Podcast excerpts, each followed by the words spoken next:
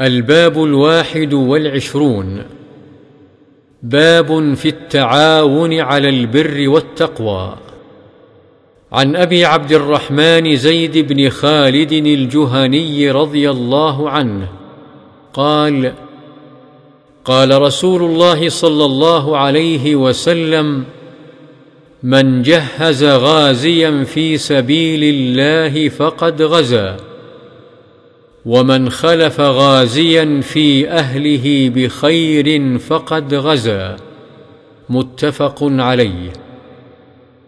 وعن أبي سعيد الخدري رضي الله عنه أن رسول الله صلى الله عليه وسلم بعث بعثا إلى بني لحيان من هذيل فقال لينبعث من كل رجلين أحدهما والأجر بينهما.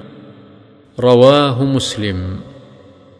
وعن ابن عباس رضي الله عنه أن رسول الله صلى الله عليه وسلم لقي ركبا بالروحاء فقال من القوم؟ قالوا المسلمون. فقالوا من أنت؟ قال رسول الله. فرفعت إليه امرأة صبيا فقالت الهذا حج؟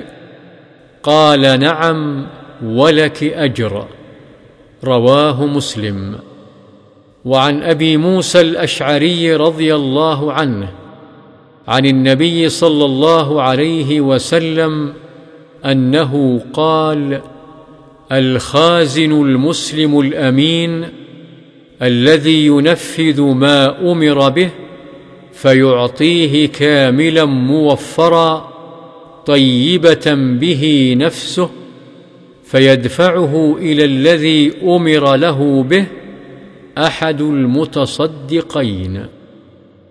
وعن أبي موسى الأشعري رضي الله عنه عن النبي صلى الله عليه وسلم أنه قال الخازن المسلم الأمين الذي ينفذ ما أمر به فيعطيه كاملا موفرا طيبة به نفسه فيدفعه إلى الذي أمر له به أحد المتصدقين. متفق عليه. وفي رواية الذي يعطي ما أمر به. وضبط المتصدقين بفتح القاف مع كسر النون على التثنية وعكسه على الجمع وكلاهما صحيح.